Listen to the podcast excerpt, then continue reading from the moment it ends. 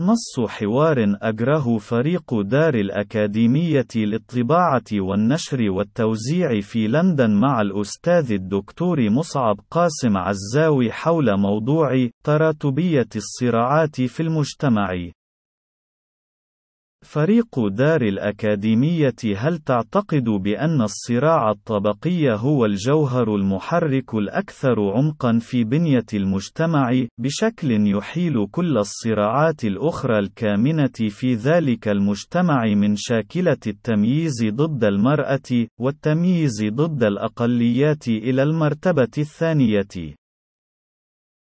مصعب قاسم عزاوي من الناحية الموضوعية فإنه من الممكن نظريا تحول أي مجتمع بعينه إلى مجتمع خال من نماذج الصراعات الأخرى سوى ذلك الطبقي من قبيل التمييز ضد المرأة وتجاه الأقليات وغيرهم من الفئات المستضعفة في المجتمع دون أن يؤدي ذلك بشكل ملموس إلى تحسن في مستوى حياة حياة الأفراد المتشاركين في ذلك المجتمع، إذ أن استئصال أشكال التمييز تلك لا يغير من طبيعة وآلية عمل الاقتصاد السياسي في ذلك المجتمع المرتبطة عضويا وبنيويا بالفئة التي تملك وتتحكم بمصادر الثروة والسلطة في ذلك المجتمع.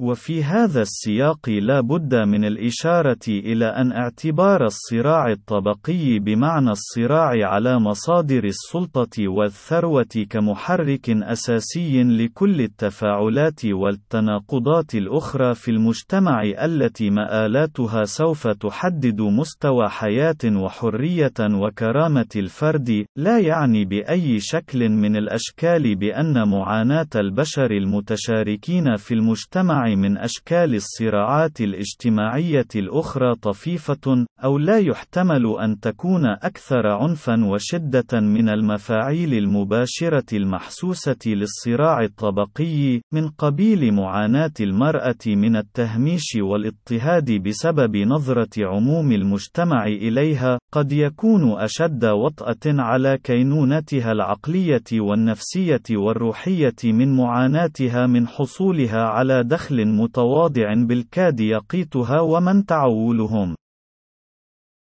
وهو ما يشي بأن معاناة بني البشر هي مشعر أخر ومهم ولا بد من عدم تناسيه دائما وأبدا عند مقاربة أي ظاهرة اجتماعية، وفي أي خارطة طريق يمكن تبنيها لأجل تعديله وتصحيحه، ولكنه أي مستوى معاناة البشر مشعر أخر لا يشي بالآليات التي تحرك أدوات وآليات الهيمنة في المجتمع بشكل أساسي، والتي هي مرتبطة جوهريا وبشكل لازم بمن يمسكون بمفاتيح مصادر الثروة والسلطة في المجتمع، والذين قد يضطرون في ظروف تاريخية معينة إلى التراجع أمام الزخم الشعبي للحراك الاجتماعي لعموم المقهورين المعذبين، عبر منحهم حقوقا شكلية أو هامشية هنا وهناك